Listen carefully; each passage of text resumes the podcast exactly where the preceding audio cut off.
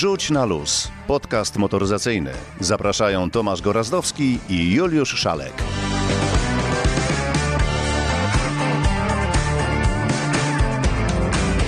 Dzień dobry, dobry wieczór. W końcu nie wiadomo kiedy to pójdzie. To już 69. odcinek podcastu Wrzuć na luz.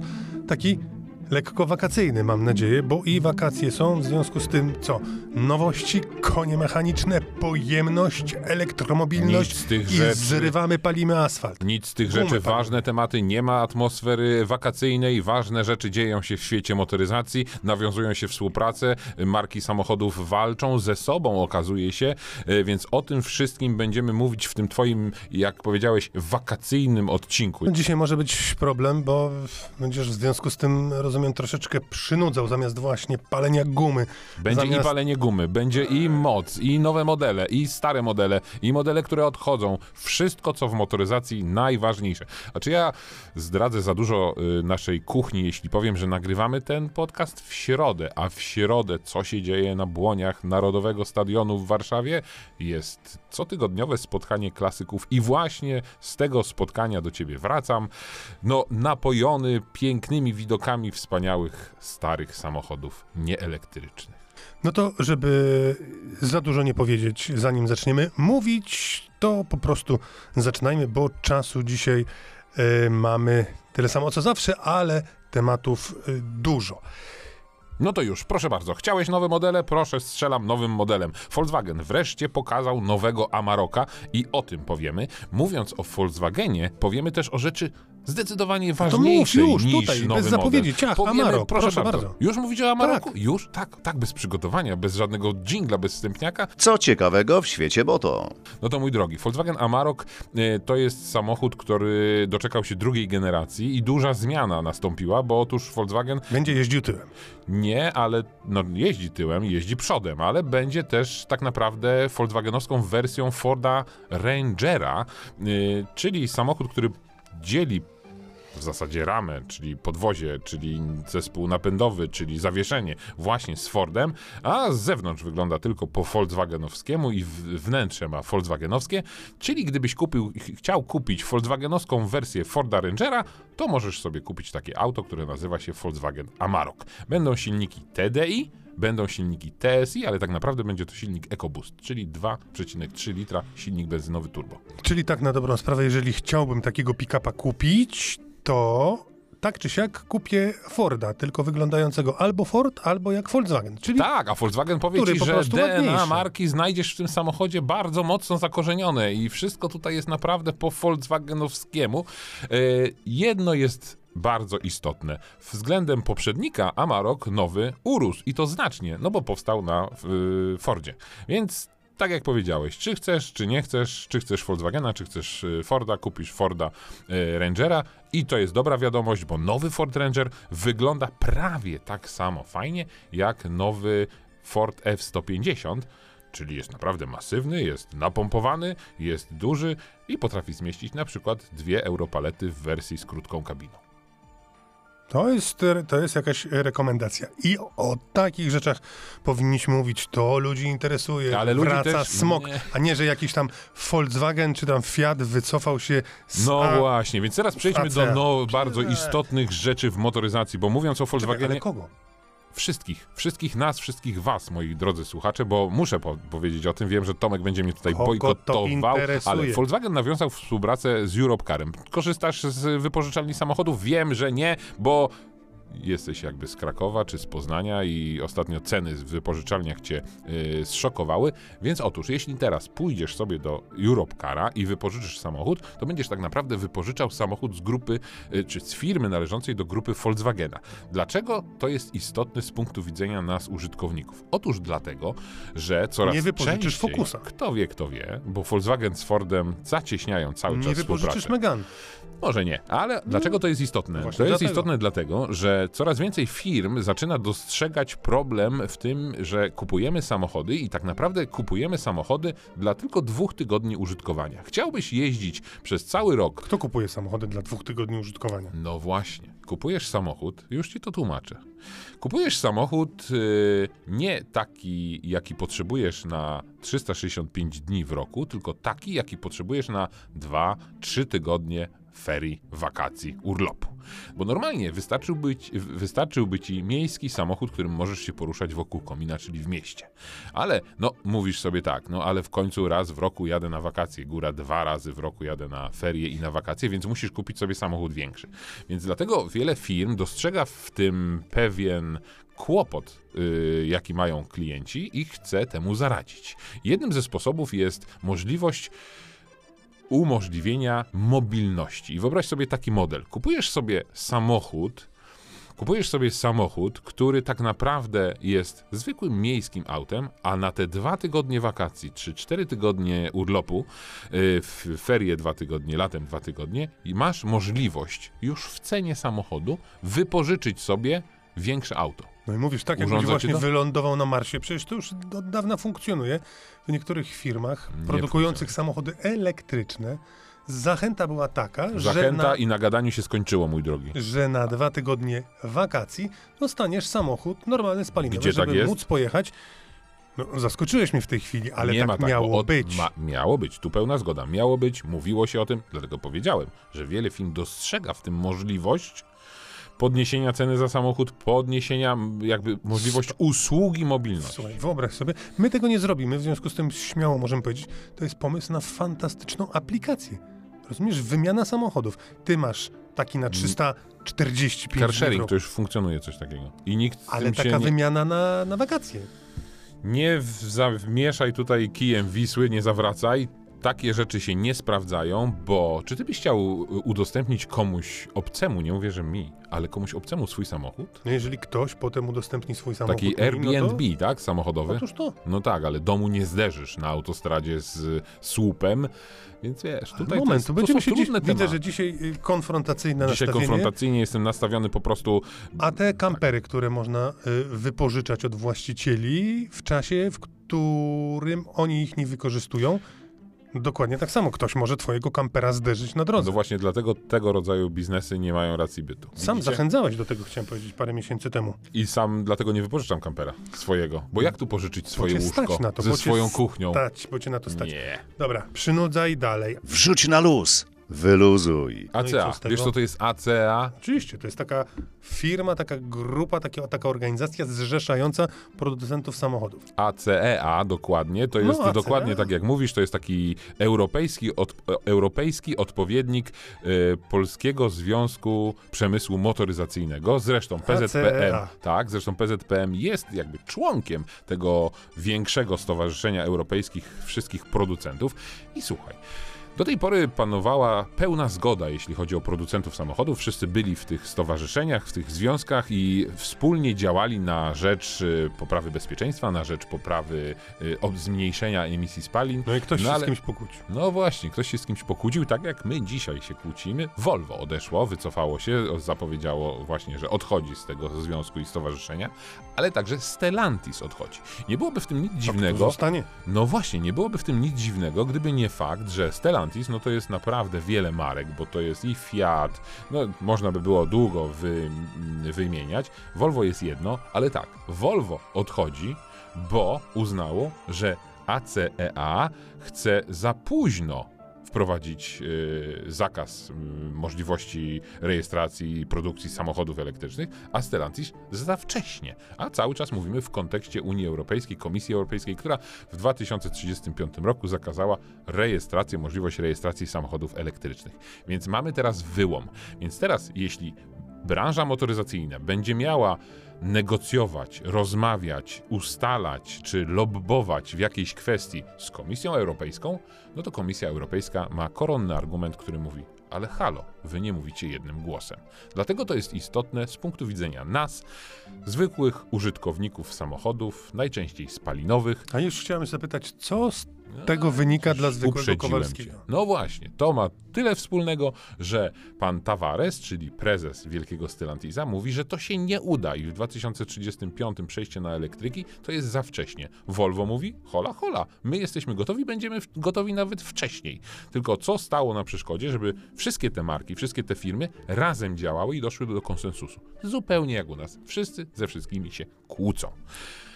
To teraz jakiś fajniejszy temat. Powiedz, co tam ciekawego w Tesli. Bo czy dobrze obserwuję, że pan Elon jakoś ostatnio Nie ma tutaj... pod górę ma Tak, trochę. ma pod Tu z górę. Twitterem ma pod górę, tu okazuje się, że w Tesli zwolnienia, tu niedorobienia jakieś. I na dodatek jeszcze on lubi być pierwszy, a z Teslą nie jest. Nie jest pierwszy, bo otóż chiński byt, znasz taką markę, taki koncert BYD. BYD, Tak. próbowali coś u nas y, zrobić z elektryczną Ciężkie motoryzacją. elektryki, pamiętam, takie Ciężkie, topory, ale autobusy także produkują. No generalnie jakby tak spojrzeć i przejrzeć portfolio, to naprawdę produkują tego sporo. Byt globalnie wyprzedził Teslę i Tesla nie jest już pierwszym producentem samochodów e, elektrycznych, bo byt ją wyprzedził i byt jest największym, e, najmocniejszym graczem na świecie, jeśli mówimy o samochodach elektrycznych, bo właśnie w byt specjalizuje się w elektrykach. Ale jeśli mówisz o Masku i jego no, chcieństwu bycia pierwszym, no to mm, problemy w tej niemieckiej fabryce też są znane. Gigafabryce. W gigafabryce, chociaż obaliliśmy to, że to nie jest wcale gigafabryka, bo jest mniejsza niż fabryka na żeraniu. Kiedyś, Kiedyś. kiedyś, teraz okazuje się, że w tej gigafabryce, biorę to w cudzysłów, będą produkowane tylko samochody w kolorze białym i czarnym. Chyba Elon Musk naczytał się za dużo biografii Henry'ego Forda. Oby tylko wszystkiego tam nie wyczytał. Białe i czarne? Tylko tak. Rzekomo to poprawi jakość i szybkość produkcji. Wiesz co, no i to jest temat, nad którym można podyskutować, bo jakie uzasadnienie widzisz tego? Nie wiem, ale wiem, jakie uzasadnienie znalazł Henry Ford wiele, wiele lat temu. Dobra, no ale Henry Ford nie miał automatycznych natryskarek lakierów w dowolnym kolorze, odcieni i w palecie RAL. I w ogóle, no pomysł O co absolutnie na głowie. Słuchaj, nieważne jak, ważne by mówili. Czyli w zasadzie można powiedzieć, że w najbliższym czasie większość Tesli będzie czarna albo biała. Tak, tych produkowanych w, pod berlińskiej fabryce. Kompletna jakaś bzdura. Bzdura, mój drogi, ale jakby tak się głębiej zastanowić, to wolałbyś mieć Czy tylko... żółtej Tesli nie będziesz Nie miał, będzie, Tak? ale wolałbyś mieć białe albo czarne Tesle, czy nieistniejącą Izerę? Najchętniej miałbym żółtą Teslę. Na przykład. Albo, Albo białą niebieską, Izerę. Albo czerwoną. Przecież tyle czerwonych Tesli jeździło. Dobra, można do tego tematu wrócić, bo jest tak... Kontrowersyjny bym powiedział. No nie znajduje uzasadnienia po No prostu. widzisz, I tyle. bo Może maska wszystko jest albo białe, albo czarne i ni- nikt nie powie nam, że Tak, że białe jest białe, a czarne jest tak czarne. jest, tak jest. Fantastyczne. Słuchaj, mam do ciebie pytanie, zanim przejdziemy do następnego pytania. Znajdź i podaj mi jeden powód, dla którego warto kupić elektrycznego Fiata 500. Nie znajduję. Nie znajdujesz, to ja ci teraz powiem. Niesamowita historia. I teraz zastanawiam się tylko, czy powiedzieć to moimi słowami, czy jednak zacytować komunikat prasowy. No chyba najpierw powiem to swoimi słowami. Powodem do tego, aby kupić elektrycznego Fiata 500 jest możliwość sterylizacji, Czego? Sterylizacji drobnych przedmiotów codziennego użytku. Otóż Fiat wpadł na pomysł. Fiat, który należy do koncernu Stellantis, łącząc kropki, to jest ten koncern, który wyszedł ze, ze związku ACEA. Przypominam. Wmontował w schowek, ten taki schowek Lampę przed UV. pasażerem, lampę UVC, która sterylizuje drobne przedmioty. Wiadomo, że Fiat 500 nie jest wielkim samochodem, a to ciągnie za sobą konsekwencje w tej postaci, że schowek nie jest wielkiej yy, pojemności. Jednorazowe rękawiczki będzie można sterylizować. Nie wiem, czy się zmieszczą, ale na przykład kluczyki na pewno tam wejdą, więc można je yy, poddać sterylizacji. Ale słuchaj, wszystko to jest pięknie ubrane w technologię, którą dostarcza nam Fiat. Bo otóż Tech It Easy to jest taka technologia, która w haśle brzmi jako technologia jest łatwa i ten schowek sterylizujący z lampą UVC jest właśnie technologią, która pozwala tobie tę technologię dotknąć i skorzystać z niej i jest prosta. Widzisz, jak można to pięknie ubrać w słowa? A potem się będą dziwić, dlaczego Fiaty się nie sprzedają. A gdyby tak zrobić po prostu klimatyzowany schowek, żeby można było na przykład puszkę coli schłodzić w gorący, upalny dzień. Nie, Czyli tam można by było schłodzić i z- uster... Zestylizować. Boję się, jakby tam kot wpadł do tego schowka. Czy też by uległ sterylizacji? No. Słuchaj, naprawdę, tematy dzisiaj wakacyjne i to mi się właśnie podoba i tego szukaj na przyszły tydzień. Ale A mogę teraz... połączyć kropki z Fiatem i z Fiatem 500 i z Fiatem 126P, czy jednak nie? Nie, jednak nie. Jednak teraz odetchnijmy, bo gadamy, gadamy i gadamy. Oddajmy głos w sprawach technicznych. Nasz specjalista od spraw trudnych. Włącz, wyłącz, uruchom ponownie. O technice i elektronice Tomasz Okurowski. Czy podczas robienia zakupów e, sięgacie po paragon, a potem go skanujecie?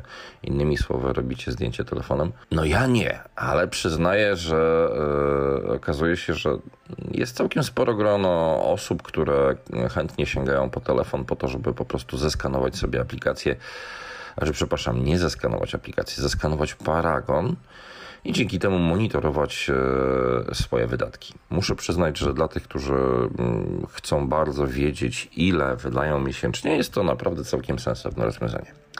No, a skoro mamy w takim razie dostęp do danych o tym, ile i na co wydajemy, no to teraz tylko pozostaje odpowiednia analiza, czyli po prostu zatrudnić odpowiedni zespół analityków i przygotować stosowny raport, gdzie i na co wydajemy nasze pieniądze. Dostało się zmotoryzowanym, może inaczej. Zmotoryzowani stali się także obiektem badania. Popularna aplikacja zakupowa Pan Paragon przyjrzała się temu, jak wygląda kwestia zakupów na stacjach paliw. Innymi słowy, co kupujemy oprócz paliwa.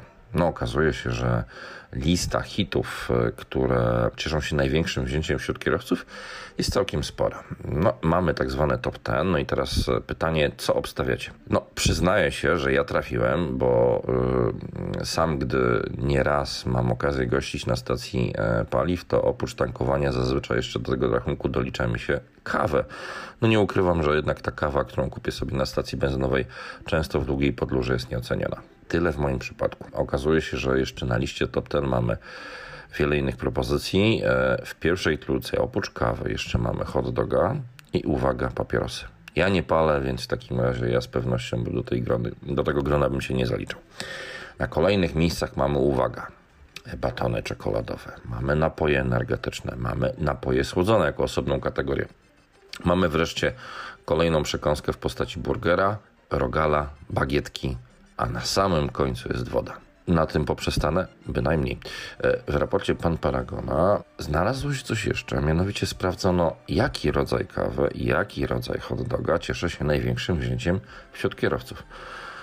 I cóż obstawiacie? Ano okazuje się, że najchętniej wybieranym napojem, jeżeli chodzi o kawę, to jest kafe latte. W przypadku hot doga wygląda na to, że jednak większość kierowców gardzi taką tradycyjną parówką, tylko wybiera e, taką wersję, bym powiedział, premium, czyli kabanosa. No i teraz e, warto się zastanowić, e, co my jeszcze kupujemy na stacji, czy my się mieścimy w, tej, gro- w tym gronie, które zapracowało uczciwie na to zestawienie top 10. Na tym jeszcze nie koniec. Pan Paragon sprawdził także, ile kosztowały te najchętniej wybierane produkty na przestrzeni ostatniego roku. No, przywykliśmy już do tego, że ceny na stacjach paliw pną się w górę i to takim zastraszającym tempie, więc jak to wygląda z tą ofertą gastronomiczną? No i cóż się okazuje? Zrobiono porównanie cen z czerwca 2021 roku z, z tymi, które są obecnie, czyli w czerwcu 2022 roku. No i cóż się okazuje? Kawa podlożała o złotówkę. Czy jest to dużo? No na pewno nie jest tak droga jak e, paliwo, może inaczej. Podleżała nie aż tak wysoko jak paliwo. Średnia cena kawy obecnie to jest mniej więcej między 7 a 8 zł. Rok temu było to o złotówkę mniej. W przypadku hot doga zapłacimy troszkę mniej niż za kawę. Taki hot dog z kabanosem jeszcze w zeszłym roku kosztował nas około 6 zł, teraz jest to 7. Ponieważ na podium uplasowały się również papierosy, to także sprawdzono ich cenę i okazuje się, że papierosy podleżały relatywnie najmniej, bo zaledwie 80 groszy, czyli średnio trzeba przygotować się na to, że wydamy niemal 15 zł na paczkę papierosów. Nie palę, no Przyznam szczerze, to są dosyć duże koszty, więc jestem pełen podziwu dla tych, którzy mają okazję oddawać się swojemu ulubionemu nałogowi. Jestem ciekaw jednego. Jak będzie wyglądał ten raport za rok? Czy podwyżki ograniczą się tylko do złotówki, czy też może więcej? Czy coś się zmieni w top ten? Czy to będzie dalej kawa, hot dog i papierosy? Jak myślicie? I teraz, kochany, widzisz, słuchacze mogą się zastanowić, jak to jest z tym, o czym mówił Tomek. Każdy może wyciągnąć swoje wnioski. Natomiast teraz sobie łącz kropki, proszę. Proszę bardzo. Teraz y, przejdźmy do wydarzeń bieżących, ale jednak głęboko zakorzenionych w historii i w wydarzeniach bieżących cofnijmy się o lat 50, bo przegapiliśmy rocznicę. Wcale nie, wcale nie przegapiliśmy, tylko trzymaliśmy ją, y, tutaj y, obserwowaliśmy, co się stanie. Bo otóż, rozwój wypadków. tak, bo otóż z okazji 50-lecia istnienia, rozpoczęcia produkcji, czy stworzenia w Polsce małego Fiata, czyli Fiata 126P, załoga, no iście mistrzowska, bo z Sobiesławem Zasadą za kierownicą pojechała do Turynu. I Longin Bielak. Maluchem, tak. I Longin Bielak. E, pojechali do Turynu, podróż zajęła... Razem lat 160 kilka, może 170. Strach pomyśleć. Cholera, pan Sobiesław ponad 90, Dwa. pan Longin blisko, Też nie mało. Czyli ponad 170. Sprawnie udało się. Cztery dni zajęła podróż. Oczywiście nie jechali sami, bo jechali w towarzystwie chyba 12 maluchów. Wszystkie samochody dojechały, nie było żadnych po drodze przygód. No bo przecież Tylko, że pan co? Sobiesław szybciej. Pan Sobiesław szybciej i bardziej precyzyjnie. E, dojechali w sumie 1500 kilometrów. E, no i właśnie, bo tak trochę było to przy okazji tej rocznicy, e, rocznicy powstania Malucha, czyli samochodu, który przecież zmotoryzował Polskę. Miałeś Malucha? Miałem. A widzisz, ja nie miałem nigdy, ale moi rodzice mieli. Miałem nawet nie jednego, powiem ci szczerze. No, takiego tutaj, co tam tą dźwigienką odpalałeś. A, oczywiście. Jeszcze częściej kijem od szczotki z tyłu. No widzicie, to było niesamowite i tak yy, łącząc kropki pomyślałem sobie o tych tematach, o których mówił Tomek Okurowski, jak dobrze, że wtedy w tej analogowej motoryzacji takich rzeczy, abonamentów nie było, bo patrz, w takim maluchu mógłbyś sobie tutaj cyk, komórką, aplikacją dokupić trochę mocy i od razu jazda przez Alpy yy, byłaby przyjemniejsza, a tak trzeba by było się trochę jednak yy, no, natrudzić, namordować, żeby takim maluchem dojechać. No ale co, dzisiaj maluch jest poszukiwanym klasykiem, osiąga ceny astronomiczne, no i chyba dobrze. A panowie pojechali ostatnią wersją, takim, taką, taką wersją Happy End, która powstała w liczbie tysiąca sztuk. Yy, kupili to auto na w zasadzie swoje potrzeby, na pamiątkę. Auto miało tylko nieco ponad 600 km przebiegu. Widzisz? I teraz nabili 1500. Szkoda. Nie, dobrze, bo samochody muszą jeździć, nie ma tam co stać. To nie są nieruchomości i muzealne eksponaty, tylko to są samochody, które muszą jeździć. Jak można było się dowiedzieć, to w tym samochodzie, którym pojechali do Turynu, zostały wymienione wszystkie elementy gumowe. I to jest niespodzianka, że w takim samochodzie, który powstał 50 lat temu, możesz dzisiaj sobie w sklepie wszystko tak naprawdę jeszcze kupić. Wiesz, może byś kupił. A jak nie jeździł, to po co było wymieniać? Gumiaki. No oczywiście, że to się starzeje, więc trzeba wymieniać. Trzeba takie rzeczy wymieniać i trzeba jeździć. Ciekawe, co trzeba wymieniać w nowej Maździe na przykład. I wracamy teraz do przerwanej rozmowy z y, Wojciechem Halarewiczem. Człowiekiem, mm, zrób wstęp jeszcze raz. Człowiekiem, który tworzył oddział Mazdy w Polsce, a teraz jest wiceprezesem Mazdy Europe i ma tą szeroką Fisza. perspektywę. Fisza. Tak, mój drogi, Duża no, duża, duża. Ma tą szeroką perspektywę i co zaskakujące, na początku mówiłem o tym, o tej usłudze mobilności i Mazda też idzie w tę stronę i też kombinuje, jak tutaj sprawić, by klient był zadowolony, a Mazda zarobiona. Ja jestem daleki od tego, żeby powiedzieć, że sieć Mazdy w Europie, czy nawet w Polsce wszędzie jest perfekcyjna i nie ma wyjątków. Zawsze ten, mamy tą krzywą Gaussa nie? i tutaj by nie byłoby dla nas pracy, gdybyśmy pracowali, y, pracowali że tak powiem, w perfekcyjnej, y, w perfekcyjnej sytuacji. Natomiast y, proszę mi wierzyć, że jeżeli jest coś, na co patrzę codziennie, to na każdym rynku analizuję dziennie, czy na przykład mamy tak zwane hot alerty. Jeżeli klient, mamy takie badanie, nazywa się CEMI, Ym, I jeżeli klient jest niezadowolony i nie ma odpowiedniego follow-upu ze strony sieci, to nawet dyrektor rynku w Polsce, czy nawet ja dostaję y, takie dane y, o, o, tym, o tym kliencie, że on jest niezadowolony. I dlaczego o tym mówię? Bo to jest właśnie to indywidualne. Ja wiem, że pan, nie wiem, Karl Müller nie został skontaktowany, powiedział, że jest niezadowolony z obsługi i prędzej czy później ja chcę zrozumieć dlaczego. Natomiast tak naprawdę to nie chodzi o to, żeby był kawałek kierownicy ze skórą, że tak powiem, w centrum człowieka. To znaczy, żeby człowiek był w centrum tego, dlaczego w ogóle to, to, to pracujemy, dlaczego, jakie doświadczenie dostarczamy jako, jako marka. Ja myślę, że jeżeli byśmy wyszli troszeczkę szerzej poza motoryzację i zastanowimy się tak naprawdę, z kim chcemy spędzić czas, gdzie chcemy spędzić czas, do jakiej restauracji chcemy pójść, na jakie wakacje chcemy pojechać, jakie doświadczenia chcemy mieć, jeżeli kupujemy sobie na przykład y, wysokiej jakości y, sprzęt grający, to myślę, że po prostu pokazuje, że motoryzacja była pod tym kątem w tyle w stosunku do tego naszego codziennego życia. Ja twierdzę, że motoryzacja dochodzi dzisiaj do takiego stanu obsługi klienta, w którym już powinna być kilka lat temu. A wspomniałeś o Karlu Millerze, który generalnie może być niezadowolony.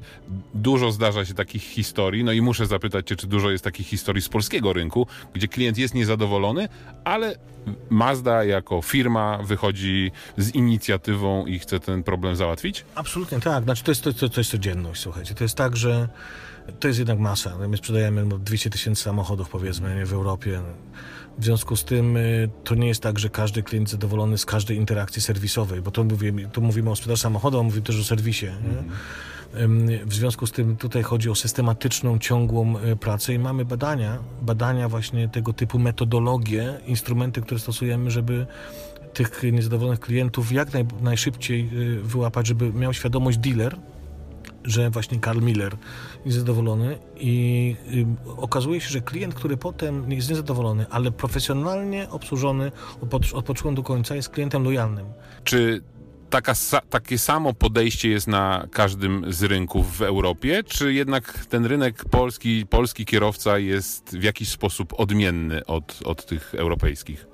Będąc Polakiem, chciałbym powiedzieć, że jesteśmy jacyś tacy wyjątkowi, natomiast muszę powiedzieć, że Polska jest absolutnie dojrzałym rynkiem motoryzacyjnym. Polska sieć dealerów jest absolutnie siecią, którą bardzo wiele rynków europejskich może nam pozazdrościć. Dlatego, że też biznes model był, był, był, jeśli chodzi o Mazdę, to ja mogę powiedzieć, przecież na początku miałem przyjemność tworzenia tego. Mamy bardzo dobrych jakościowo dealerów w Polsce. Klient Polski jest klientem absolutnie europejskim, nie jest klientem wyjątkowym, y, w takim sensie, że klientem jakiś tam grającym w zupełnie innej lidze. Y, klient polski jest y, klientem, który dokładnie w ten sam sposób eksploatuje samochody, jak, jak, na, jak, na, jak na innych rynkach. W związku z tym, no, chciałem powiedzieć, że jesteśmy coś tak bardzo wyjątkowi, natomiast myślę, że myślę, że właśnie brak tej wyjątkowości jest takim dowartościowaniem nas. Po prostu jesteśmy klasycznie rynkiem dojrzałym europejskim. Czyli wszystko z nami jest ok. Ale też się zastanawiam, no bo właśnie dotknąłeś e, najważniejszej chyba kwestii, kwestii ceny samochodu.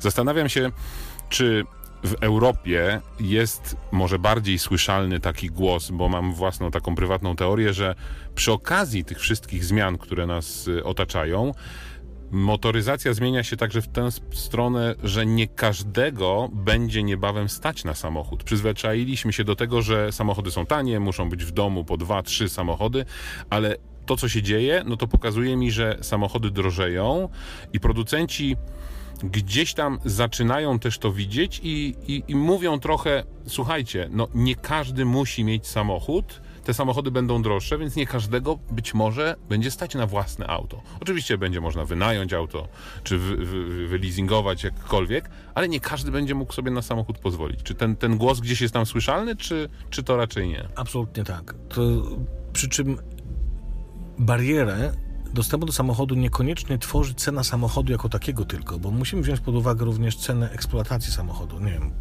zobaczmy, co się dzieje z cenami paliw. W związku z tym trzeba na to spojrzeć w sposób bardzo taki, taki całościowy, holistyczny, że to nie tylko cena, cena, cena samochodu. W związku z tym, jak mówiliśmy o tych takich czterech głównych trendach, jednym z nich jest tak zwany sharing, tak? czyli ta ekonomia, y, która, która pozwala na rozwój y, serwisu mobilności.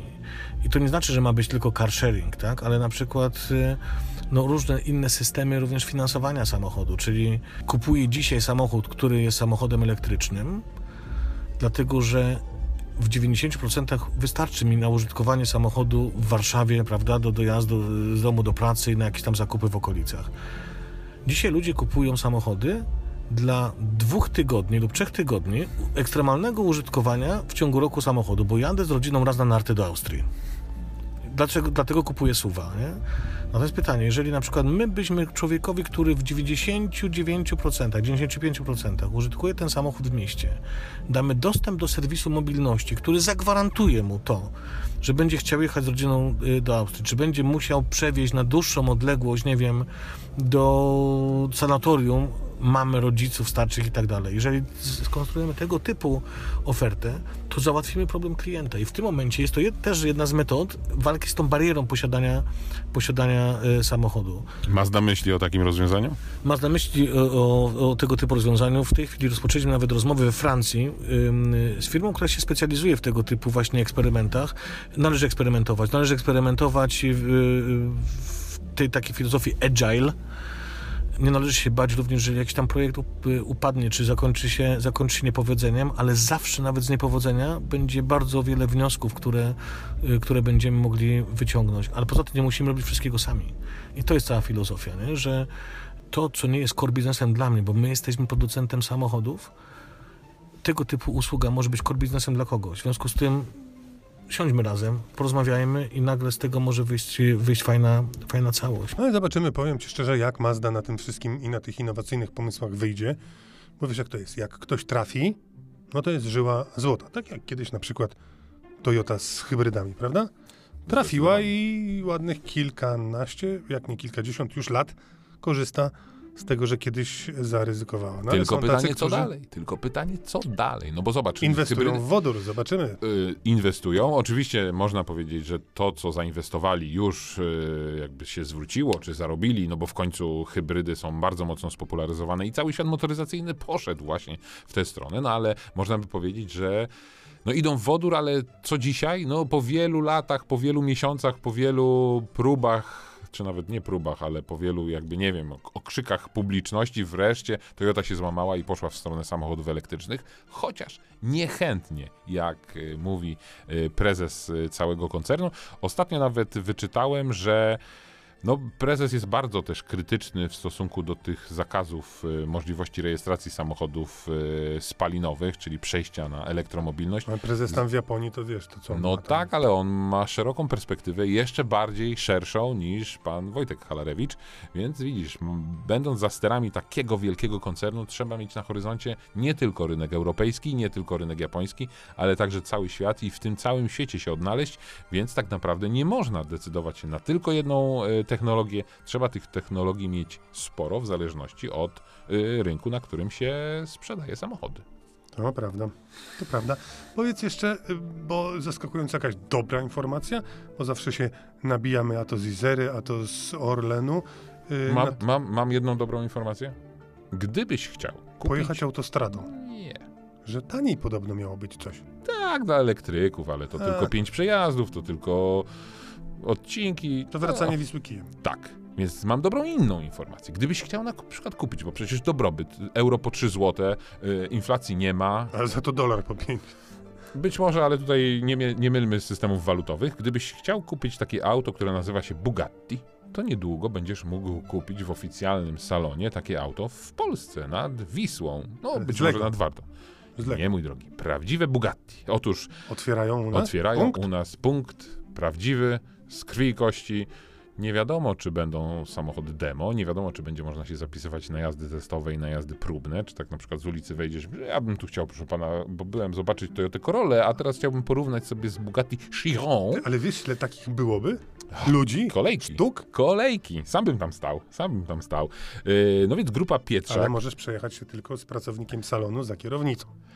Myślę, że nawet nie. Myślę, że nawet nie, bo roboczo godzina tego silnika jest za droga. No nie, oczywiście żartuję, ale myślę, że nawet takie jazdy są zarezerwowane tylko dla konkretnych klientów. Ty, ale zobacz, jaka to niezła fucha, sprzedawca w takim salonie. Sprzedasz dwa samochody w ciągu roku. Powiem ci, że no wywołałeś, wywołałeś tak naprawdę i- temat. I odkurzasz po prostu go. Wywołałeś mój drogi temat, Pyłek, o. bo yy, no Panie, właśnie. a ile kosztuje ten samochód? Nie, proszę pana, kosztuje 8 milionów 275 tysięcy. No, I no, mój drogi.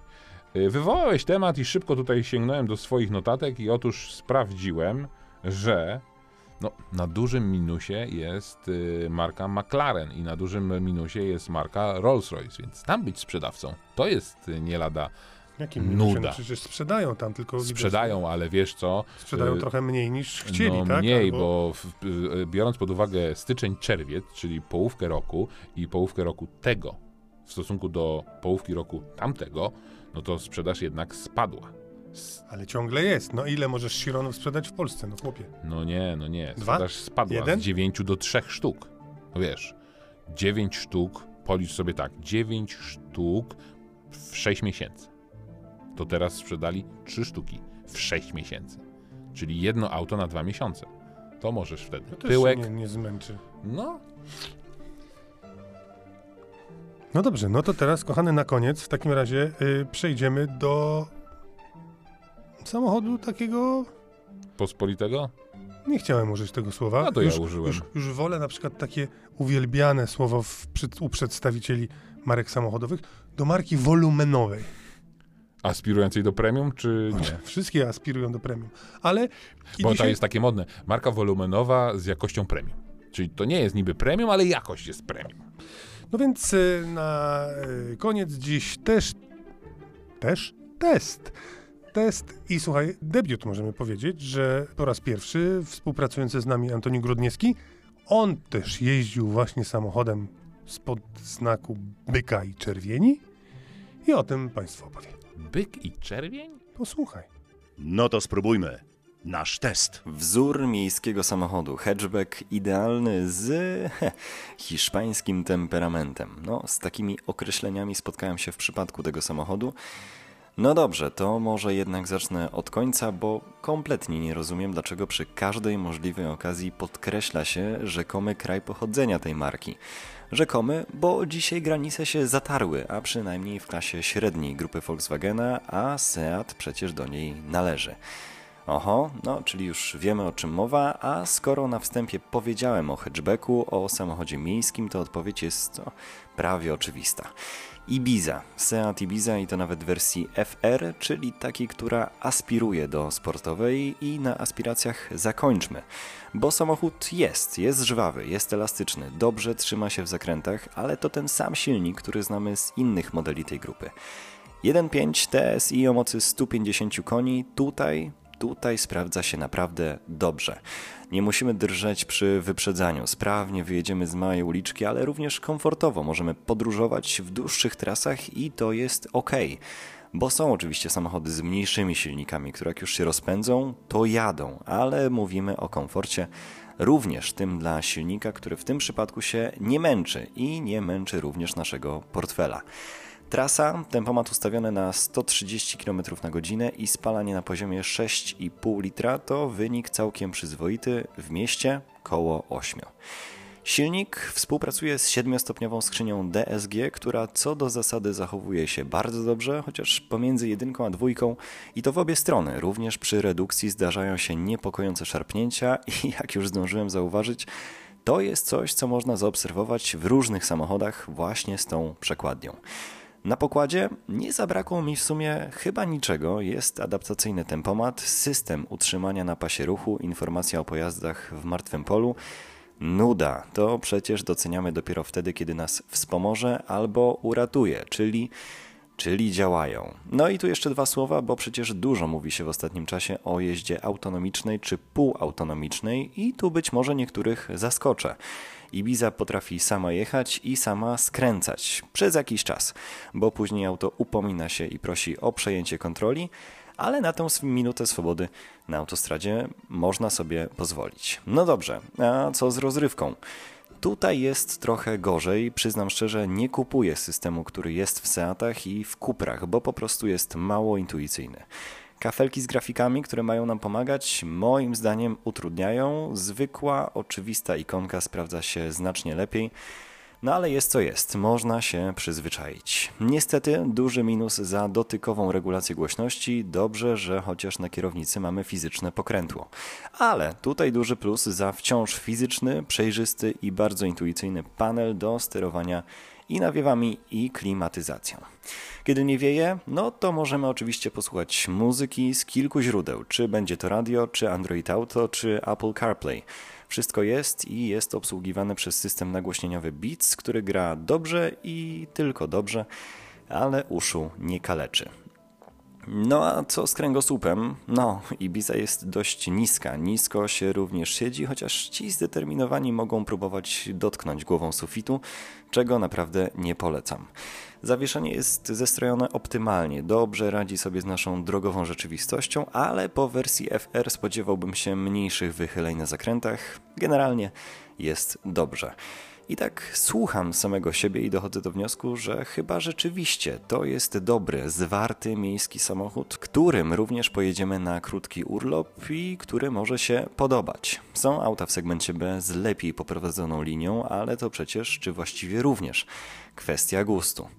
Niemniej jednak nie spotkałem osoby, która odwróciłaby wzrok na jego widok. Nie wiem natomiast, jaka mogłaby być reakcja przy spojrzeniu w cennik. Testowy egzemplarz z 18-calowymi felgami, światłami LED, szyberdachem, niebieskim lakierem, za który tak, również trzeba dopłacić, ale przede wszystkim z silnikiem 1.5 i 7-stopniową automatyczną skrzynią kosztuje 122 tysiące złotych. Można jeszcze dołożyć kilka opcji i zatrzymamy się w okolicach 130. No i to tak chyba tłumaczą.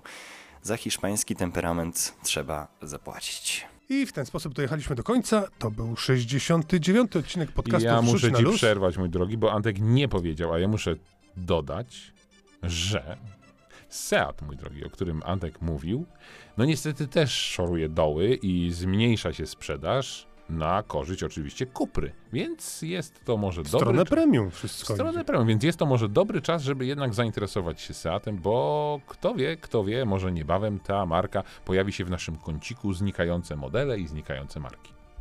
I tym razem to już naprawdę to był 69. odcinek podcastu Wrzuć na A luz. mógłbym jeszcze A za tydzień spotkamy się po raz 70. Dziękuję, do widzenia. Do widzenia.